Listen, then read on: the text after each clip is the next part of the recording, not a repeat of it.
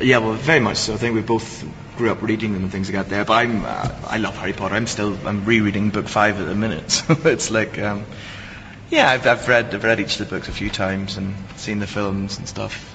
But then again, we were sort of the generation that grew up with them as they were released. We were quite young, we sort of 11, 12.